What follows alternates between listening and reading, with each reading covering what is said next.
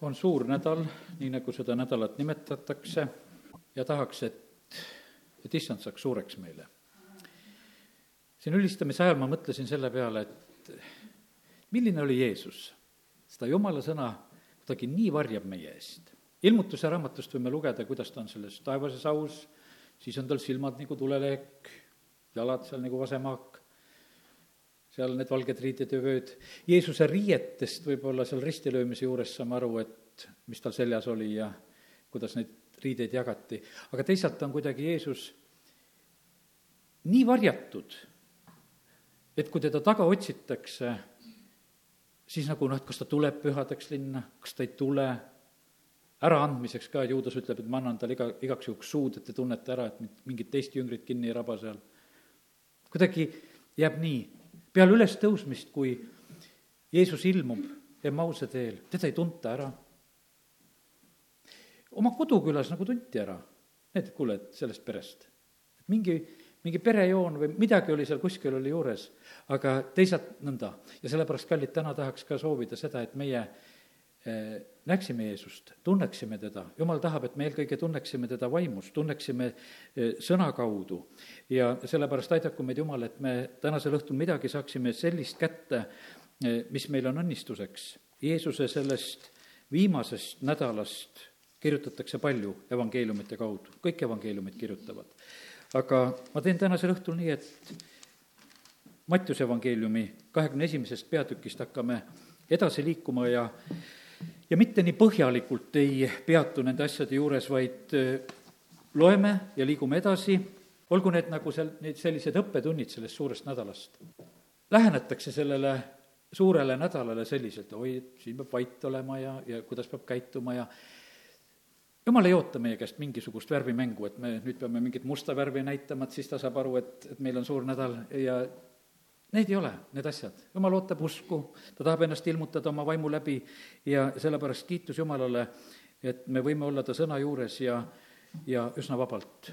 me teame seda, et, et see lugu, mida me meelde tuletame, see kõik on sündinud, toimunud, Jeesus on isa paremal käel, ta ei lähe eh, Jeruusalemma selleks, et seal surra ja kannatada uuesti ja, ja meie lihtsalt saame mõelda sellele, mis on olnud.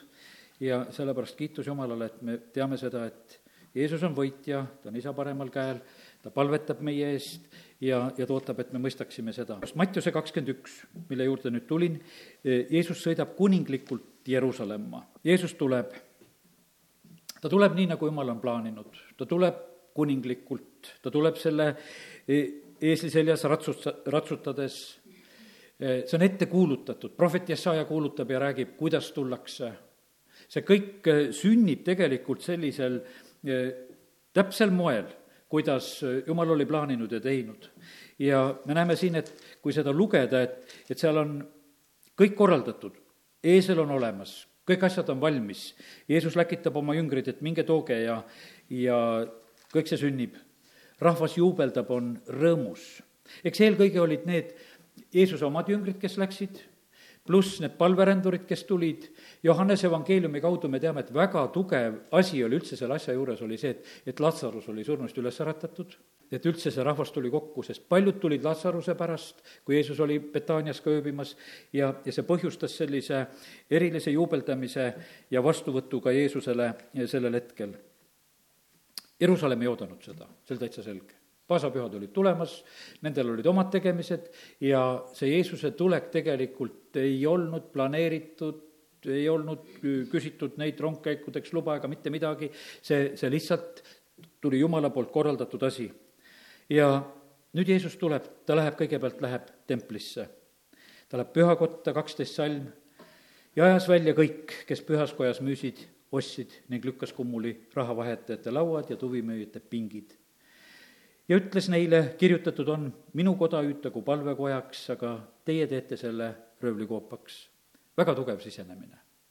ta tuli sinna paganate eesõue, ta loob seal korda ja, ja ta ajab välja need, kes seal ostavad, müüvad. see ostmine-müümine ei olnud ju lihtsalt selline mingi tavaline turg, et eh, taheti kaubelda, vaid need olid templiteenistusega seotud asjad, müüdi tuvisid, vahetati templi seekleid, et ohvriraha pidi tulema seeklites, templi raha pidi olema, mida ohverdad, ja need asjad käisid justkui selle jumala teenimise juurde ja selle pärast. aga see oli paik, kus paganad võisid tulla ja kummardada ja sellepärast Jeesus tuleb ja teeb tegelikult kõigepealt seal selle paiga puhtaks ja vabaks. Ja kui võimas on tegelikult järgmine salm, neliteist salm ütleb, et püha, pühakojas astus ta juurde pimedaid ja jalutuid ja ta tegi nad terveks. võimas hetk tegelikult, mis sünnib. pimedad ja jalutud, kes on seal, need saavad terveks. siis juhtub see järgmine asi, et ei tunta rõõmu sellest, et seal kiidetakse Jeesust. Osanna Taaveti pojale. kui ülempreestrid ja kirjatundjad nägid imesid, mida Jeesus tegi, ning poisse, kes pühakojas hüüdsid, Osanna Taaveti pojale, siis nende meel läks pahaks seda saab juhtuda jumala kojas, kui kiidetakse Jeesust, et kellegi meel läheb pahaks. Nad ütlesid talle, et kas sa kuuled, mida nad ütlevad? Jeesus ütles, kuulen küll. ja ütleb, et kas te pole kunagi lugenud, oled valmistanud kiitust väetite, laste ja imikute suust. ja ta jättis nad sinna paika ja läks välja Betaaniasse ja ööbis seal psalm kaheksa kolm ütleb selle juurde, võiks selle koha kindlasti lugeda. ja sellepärast, kui meie ka siin tuleme kokku ja me kiidame ja ülistame Jumalat, siis tegelikult on see kiitev vägi ja, ja sellel on väga suur ja võimas mõju, mis saadab korda. psalm kaheksa ja kolmas salm. väetite imikute suust, sa valmistasid kiitva väe oma vastaste pärast, et sundida vait jääma vaenlast ja kättemaksjat ja sellepärast kiidame, ülistame Jumalat usus, et vaenlane jääb vait. vaenlane valetab meie lähedastele, ta pasundab, räägib, aga kui meie kiidame ja ülistame, sunnime ta vait jääma sund, sunnime vait jääma vaenlase ja, ja kättemaksja. ja kiitus Jumalale, et me võime selle otsuse teha, et me teeme seda usus. kui me võtame nagu sõnast kinni, et Jumal, ma teen seda sellepärast. ma ei salli seda, et äh, minu lähedased, kes ei ole veel päästetud, et nad usuvad seda valet, mida kurat nendele kogu aeg pasundab ja räägib. me kiidame ja ülistame ja ütleme, et me kiidame nii, et vaenlane peab lihtsalt vait jääma. ja et nad kuulevad ja saavad aru seda, mida Jumal räägib ja kuhu neid Jumal kutsub. ja sellepärast olgu, olgu meil usku seda kiitust ja ülistust lihtsalt teha. Läheme tagasi sinna Mattiuse kahekümne esimesse peatükki ja siis on selle viljatu viigipuu needmise õppetund. vilja puudumine on väga ohtlik asi. me teame seda, kui evangeeliumid algavad, siis nad räägivad sellest, et puu, mis vilja ei kanna, see raiutakse maha. viljata olla on väga ohtlik Jumala ees ja sellepärast Jumal ootab seda meie käest, et me vilja kannaksime. ja siin ta õpetab seda ka, et usuprintsiipi meile, et kui me usume ja räägime, siis need asjad sünnivad. Ja kui me ei kahtle, see, mida me palves palume, see on meile palvetunniks väga oluline õppetund, mida Jeesus andis sel suurel nädalal, kui ta lihtsalt sellel hetkel, kus ta tunneb nälga, läheb viigipuu juurde ja, ja sellest on sündinud tegelikult üks võimsamaid usuõpetuse aluseid. Kust kohast Kennet Eigen terveks sai, kust kohast ta selle kinni võttis, millest ta kinni võttis, ta võttis sellest loost kinni kiitus Jumalale, et, et see asi sündis ja, ja Jumal on pannud need asjad väga konkreetselt piibli lehekülgedele, et meie võiksime uskuda, sellest kinni hakata ja, ja siis need asjad sünnivad. Läheme edasi. järgmine küsimus on Jeesuse meelevallast. seda nähti ja seda tunnistati, et Jeesusel on meelevald, sest ta oli templi puhtaks teinud. ja kui Jeesus oli tulnud jälle siis pühakotta ja õpetas, astusid ülempreestrid ja rahvavanemad tema juurde ja ütlesid, millise meelevallaga sa seda kõike teed ja kes on sulle andnud selle meelevalla? kakskümmend kolm salme lugesin praegu. aga Jeesus vastas neile, ka mina küsin teilt ühte asja, kui te mulle seda ütlete, siis ütlen minagi teile, millise meelevallaga mina seda kõike teen. tema küsib Risti Johannese eh, kohta, et kustkohast Rist Johannes oli pärit, kas ta oli taevast või inimestest.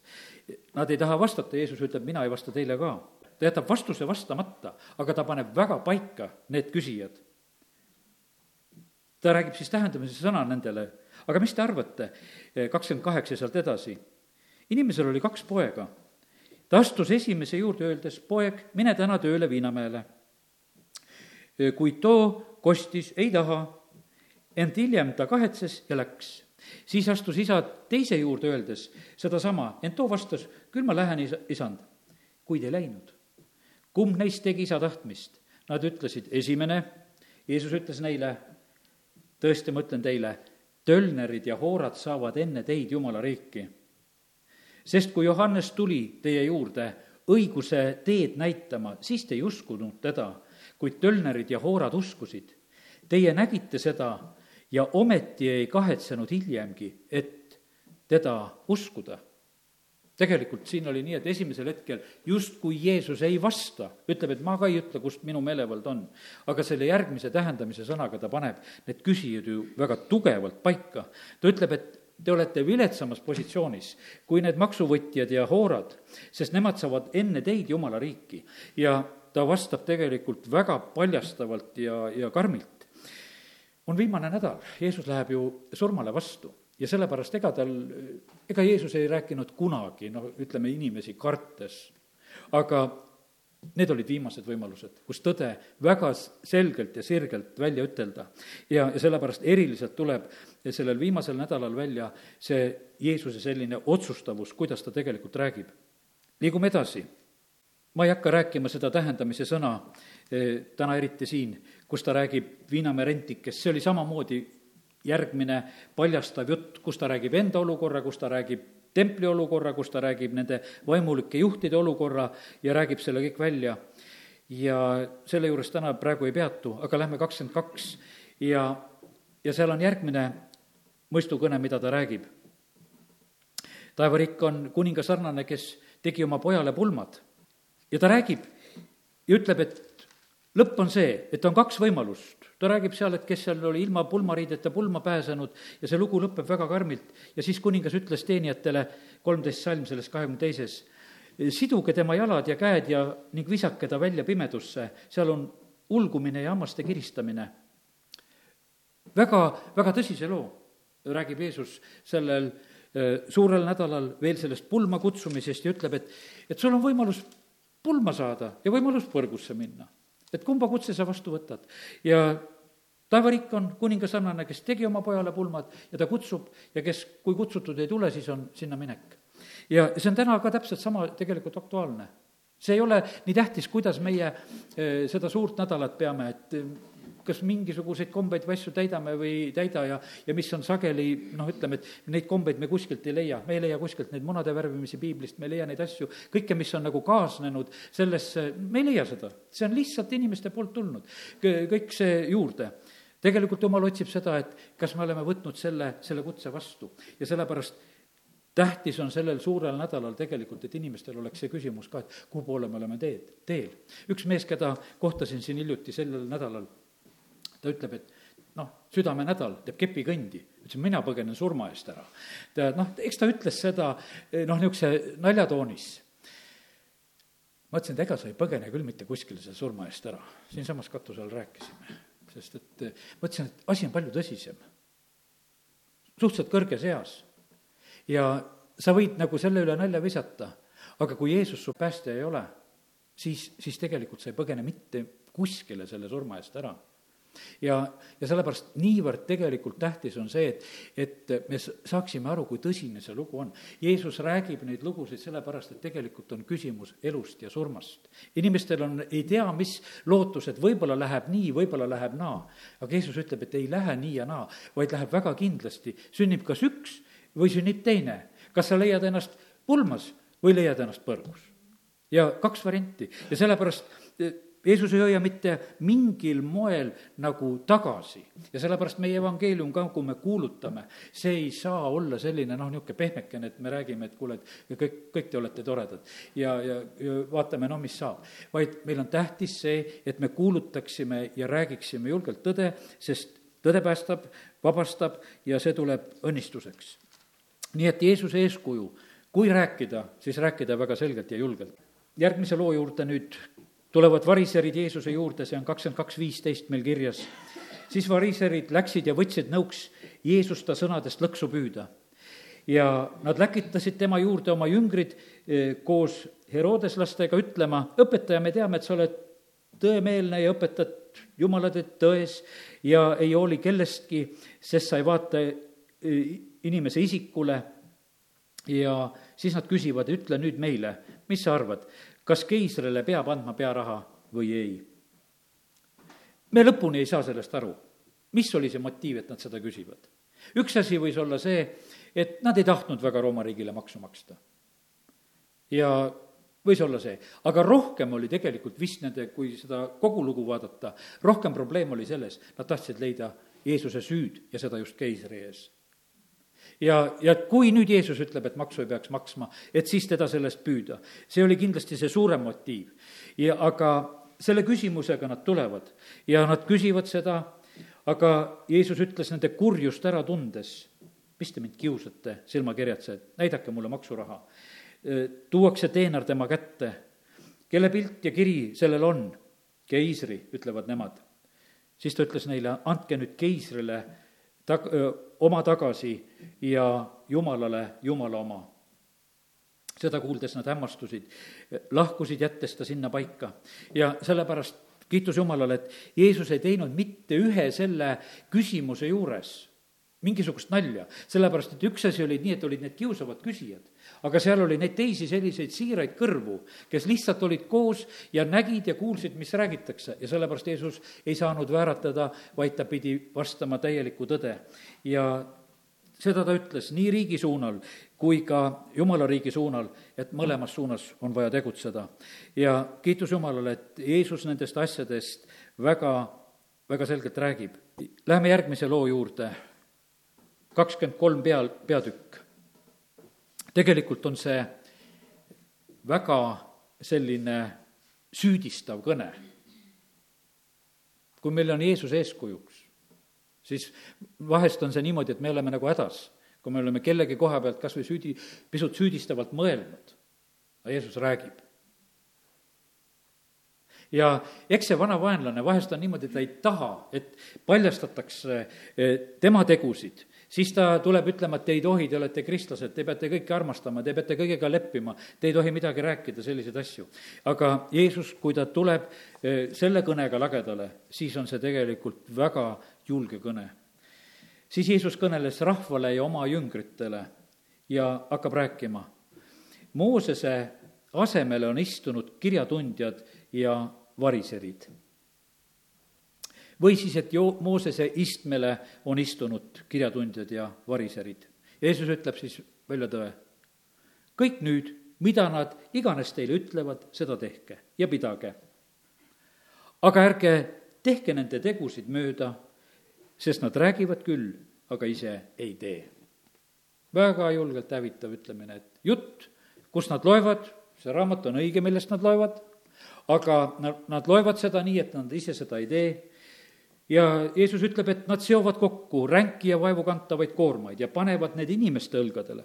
aga ise ei taha nad neid sõrmega, otsagagi liigutada. ja kõiki oma tegusid nad teevad selleks, et inimesed neid vaataksid.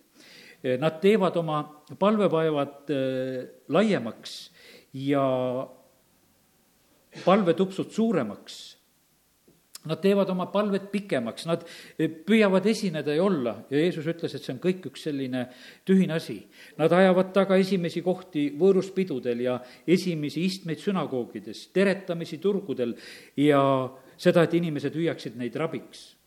Sealt edasi tuleb selline õpetamine, et me näeme sedasi, et Jeesus ütleb, et ärge kutsuge kedagi õpetajaks, ärge kutsuge kedagi isaks ja ärge laske kedagi hüüda juhatajaks no me ei saa sedasi ütelda, et me ei tarvita seda eh, sõna, et eh, keegi, keegi on õpetaja või juhataja või isa, see ei ole kaugeltki mitte see. pane tähele seda, et ta ütleb, et ärge laske, ärge tahtke seda, teie ärge laske endi tüüda. et see ei ole niimoodi, et käid ja tellid ja ütled, kuule, tule ütle uuesti tere, et, et tiitel jäi puudu, et, et paluks nii eh, ma usun, et me tunneme ära, jumal on pannud mõned õpetajaks, mõned prohvetiks, me nimetame neid sedapidi. kuidas jumal on kellelegi ameti andnud, me tunneme selle ära ja see ei ole mitte see keeld. aga Jeesus ütleb seda, et ärgu olgu see mitte teie selline eh, oma püüd, et te püüate neid tiitleid kätte saada. ja sellepärast Jeesus väga otseselt lihtsalt tuleb nende inimeste vastu, eh, kes, eh, kes kuritarvitasid, kes oma positsiooni lihtsalt tirisid enda kätte ja, ja Jeesus hakkab nendele häda kuulutama, häda teile, kirjatundjad ja variserid, kolmteist salm. ja et te lukustate taevariigi inimeste eest, ise ei lähe siis sinna sisse ega lase ka neid, kes tahaksid minna. ja häda teile, kui te seal jälle silmakirjatsete ja palvetate ja, ja venitate oma palvet pikaks ja häda teile, et te rändate läbi seal maad ja mered, et leida kedagi, kes oma usku pöörata ja teete sellest põrgulise väga karmilt ja raskelt räägitakse. ja mida Jeesus räägib nendele, te olete sõgedad ja pimedad teejuhid. ja, ja siis ta räägib terve suure loo tegelikult sellest, mida noh, ütleme, tollel ajal nagu kasutati ja tarvitati, seal olid need vanded. tegelikult oli tõotusi antud ja nüüd on niimoodi, et variserid seal õpetavad, et noh, kui sa oled selle juures, ütled templi juures ja templi kulla juures, et siis on üks asi, siis on teine asi, see tegelikult oli kõik äh, üks laveerimine, millest Jeesus ütles, et see on mõttetu ja tühine tegevus, millega nad äh, praegusel hetkel äh, tegelevad. ja, ja siis ta räägib nendele, et, et tegelikult on väga tähtis põhimõtteliselt ta tuleb tagasi veel ühe asja juurde, see kakskümmend kolm, eh, kakskümmend kolm loeme selle salmi. häda teile, kirjatundjad ja variserid, te silmakirjatsed, te maksate kümnist mündist, tillist ja köömnest. küsimus oli nii, et, et eh, templi suunal tehti väga täpselt. keisri koha pealt nad küsiti, et mis me teeme. selles asjas tehti väga täpselt, kõik maksti, tehti aga Jeesus ütles, te jätate kõrvale kaalukama osa seadusest, õigluse, alastuse ja ustavuse üht tuleb teha, teist ei tohi kõrvale, jätta kõrvale. mida nad jätsid kõrvale? Nad jätsid õigluse ehk kohtu, halastuse, ustavuse ehk usu kui neid sõnu lihtsalt selgemini lahti ka veel ütelda. ja sest Jumal ootab meie käest, Jumal ootab, et tehtaks õiglust. et on see vaeslapsele, võõrale, lesele, Jumala sõna väga otseselt nõuab meie käest seda, et me oleksime väga õiglased, et oleks halastus, ja et me oleksime usus. ja ütleb, et ei ole mõtet tegeleda sellega, et püüate väljaspoolt endid kuidagi ilusamaks teha. sisemine esmalt ja välimine. ta räägib sellest, et jumal on läkitanud teie juurde prohveteid, aga teie eesisad on tapnud neid ära ja, ja ta räägib sellest, et see patu mõõt saab täis ja, ja see veri tuleb teie peale ja väga tõsiselt tegelikult Jeesus räägib sellise surmamini ja julgusega räägib selle loo. ta nutab Jeruusalemma pärast. kolmkümmend seitse salm, Jeruusalemm, Jeruusalemm, kes sa tapad prohvetid ja viskad kividega surnuks need, kes su juurde on läkitatud. kui palju kordi ma olen tahtnud su lapsi koguda, otse kui kana kogub oma pesakonna tiibade alla, ent teie ei ole tahtnud. vaata, teie koda jäetakse maha.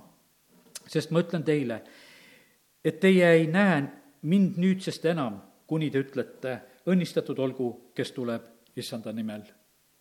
ja veel ei ole see päev käes.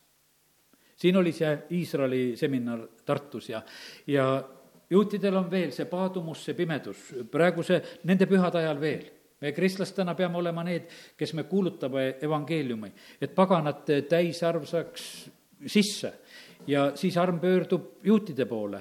ja meie peame olema need, kes teeme juudid kadedaks oma usuga, et Jeesus, kui ta on Jeruusalemmas, eh, ta nutab, aga ta teab seda, et tuleb see päev, kus teda oodatakse ja teda ka vastu võetakse, ta oma, oma rahva poolt. aga ennem tuleb tal minna eh, läbi sellest kannatusest ja surmast, mis tal ees seisab. Johannese evangeelium üksteist nelikümmend viis ja sealt edasi. paljud juudid hakkasid uskuma, eh, kes olid tulnud Maarja juurde ja näinud, mis ta oli teinud.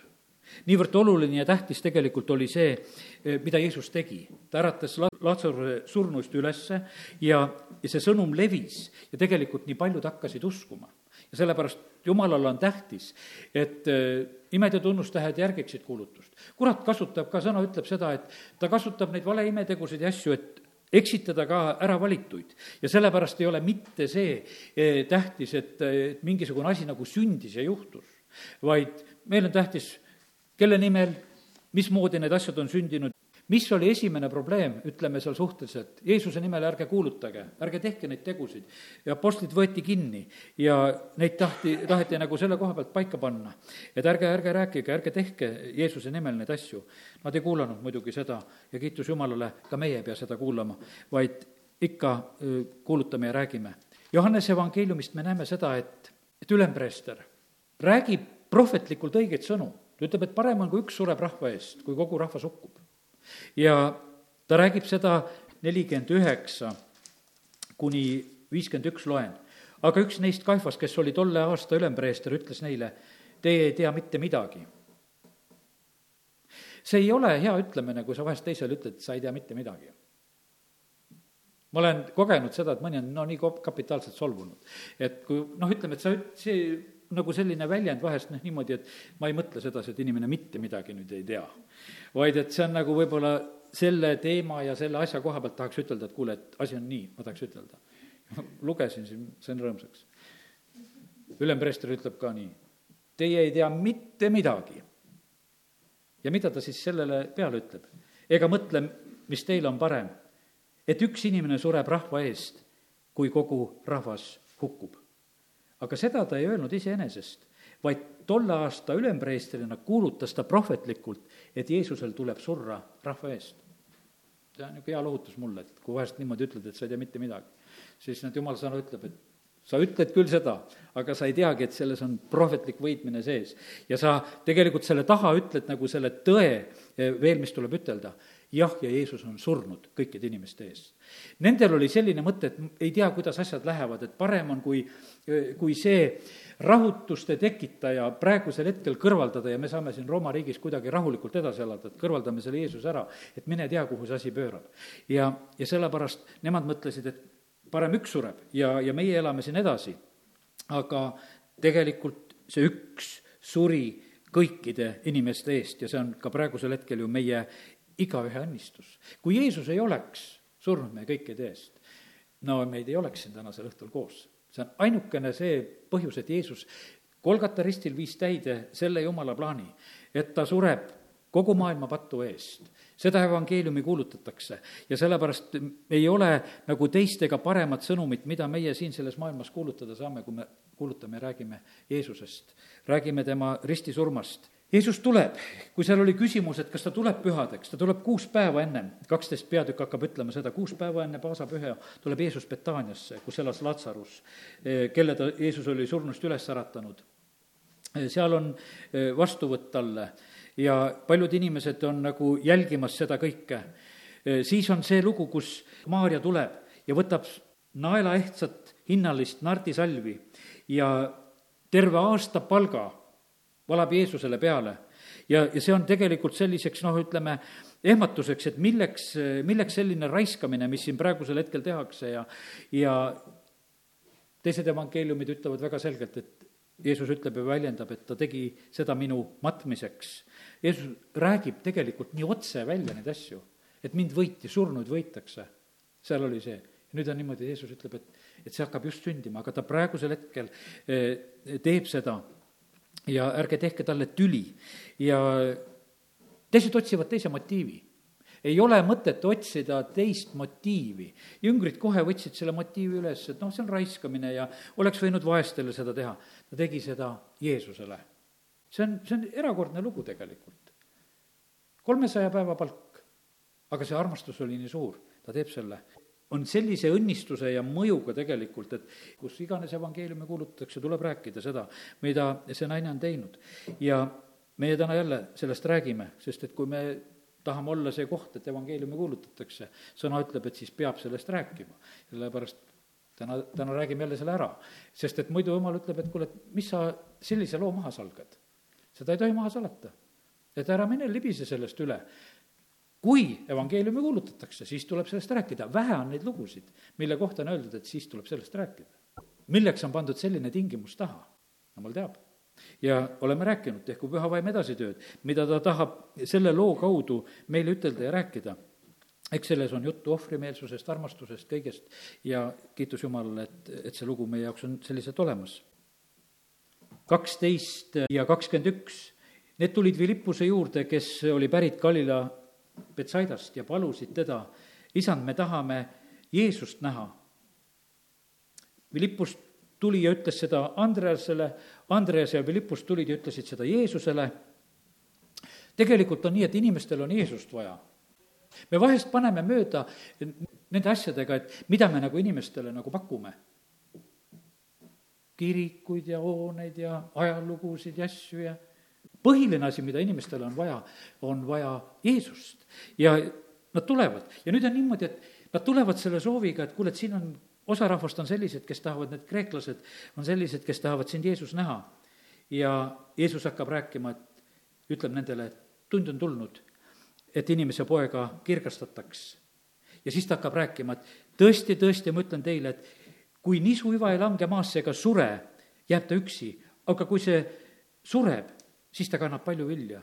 ja Jeesus hakkab piltlikult rääkima jälle oma surmast ja ta hakkab rääkima sellest, et, et kui ma suren, siis on sellest palju vilja.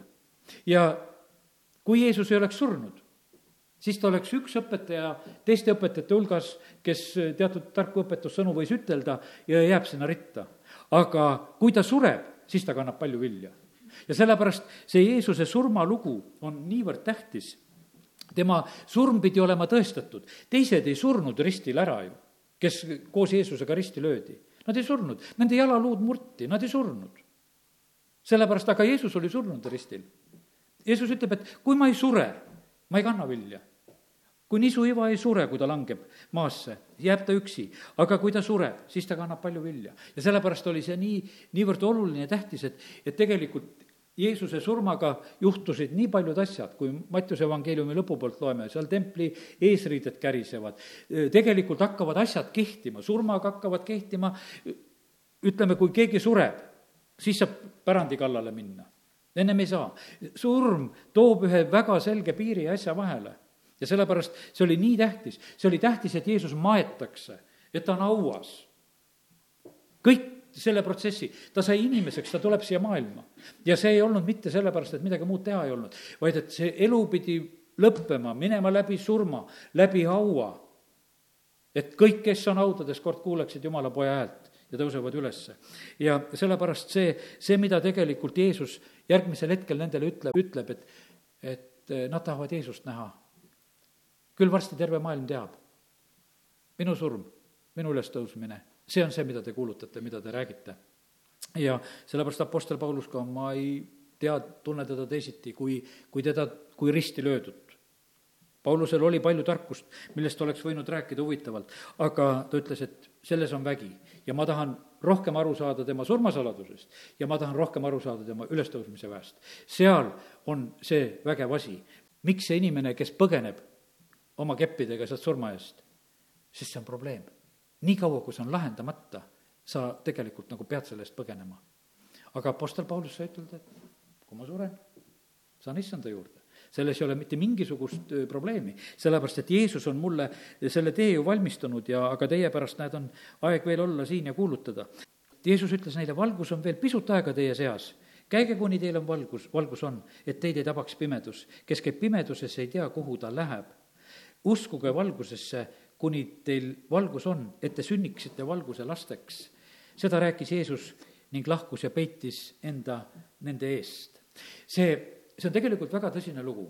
kui Jeesus räägib, ma sealt Mattiuse evangeeliumist libisesin üle, kui ta räägib selle tähendamise sõna sealt Viinamäest ja see Viinamägi võetakse teie käest ära, see ei jää teile, see antakse teistele. kuhu läheb Euroopa? kuhu lähevad ärkamised? On olnud kristlik Euroopa, käiakse, vaadatakse ringi neid vanu kirikuid. aga kus on ärkamised, kus on asjad? see võetakse ära. uskuge nii kaua, kui on valgus. me ei tea, kaua Jumal pakub Võru linnas valgust kõige paremal moel, ütleme selliselt, et et noh, et ega me ei saa inimesi päästmisele tuua, kui püha vaimuvägi ei tegutse selle juures me oleme võinud kõik need, ütleme, kakssada kolmkümmend aastat siin, ütleme, põhimõtteliselt siin selles linnas me näeme, et kirikud on juba vanad ja, ja põhimõtteliselt on nagu see eh, nagu olemas. aga ometigi me näeme, et on sellised teatud hetked ja ajad, kus inimesed eriliselt pöörduvad Jumala poole. sest et kui Jumala vaim teeb selleks tööd. muidu on see nagu üks niisugune noh, tühi asi. on ei ole, keegi ei ärka, ei pääse, mitte midagi ei juhtu. ja, ja sellepärast Jeesus ütleb, et, et oluline on tegelikult tähele panna eh, seda pakkumist ja seda võimalust, mis on praegu veel teie käes. ja, ja see võidakse ühel hetkel lihtsalt eh, ära võtta ja teil seda enam ei ole ja sellepärast, kuidas on Eestimaaga lugu, kuidas on eh, Võrumaaga lugu, me saame lihtsalt praegusel hetkel palvetada täna sellepärast, et jumal, nii kauaks, kui see võimalus on meie käes, et inimesed pöörduksid ja usuksid. ja kui valgus kaob, siis on pimedus ja siis ei aita midagi. Siis Jeesus hüüab veel ühe koha peal, see on nelikümmend neli salm. aga Jeesus hüüdis valjusti. see on nii, et nii kui mõni kirjutab internetis, et oma kirja sisse suurte tähtedega. aga Jeesus hüüdis valjusti. kes usub minusse see ei usu minusse, vaid temasse, kes minu on saatnud. kes mind näeb, näeb teda, kes minu on saatnud. mina olen tulnud valguseks maailma, et ükski, kes usub minusse, ei jääks pimedusse. Ja nii see on. igaüks, kes usub Jeesusesse, saab päästetud. kellel on poeg, sellel on elu. kellel poega ei ole, elu ei ole. ja sellepärast kiitus Jumalale, et Jumal tegelikult laseb välja hüüda neid väga olulisi ja tähtsaid tõdesid. uskudes ei jää pimedusse. meil on igavene elu, me võime sellele julgelt toetuda. kiitus Jumalale selle eest. Johannese evangeeliumis on veel, veel üks lugu, mida teised evangeeliumid ei kirjuta, see kolmteist peatükk on, kus Jeesus peseb jüngrite jalgu. see on nagu selline, üks selline huvitav hetk, et et nad on, istuvad koos, söövad, ta tõuseb õhtusööme alt üles pani oma kuue ära, võttis rätiku, sidus endale vööle, neljas salm, ma loen siit kolmteist, neli. seejärel kallas ta vett vaagnasse ning hakkas pesema üngrite jalgu ja kujutama rätikuga, mis tal vööl olid. ta teeb seda ühtäkki. ja seal on, Peetrus seal tõrgub ja teatud lood ja asjad on. Ja tegelikult Jeesus sellel hetkel ütleb, et toob nagu selle pildi ja näite, et, et see teenija roll, alanduse õppetund, mida ta pakub. Loeme siit salmid kolmteist kuni seitseteist sellest peatükist ka, kus Jeesus ütleb, te hüüate mind õpetaja ja isand. Ja seda te ütlete õigesti, sest see ma olen. kui nüüd mina, isand ja õpetaja, olen teie jalgu pesnud, siis tuleb teilgi pesta üksteise jalgu, sest ma olen teile andnud eeskuju, et teiegi teeksite nõnda, nagu mina olen teile teinud. tõesti, tõesti, ma ütlen teile, ei ole teener suurem kui ta isand, ega saadik suurem kui see, kes tema on saatnud. kui te seda teate, siis olete õndsad, kui te nõnda ka teete.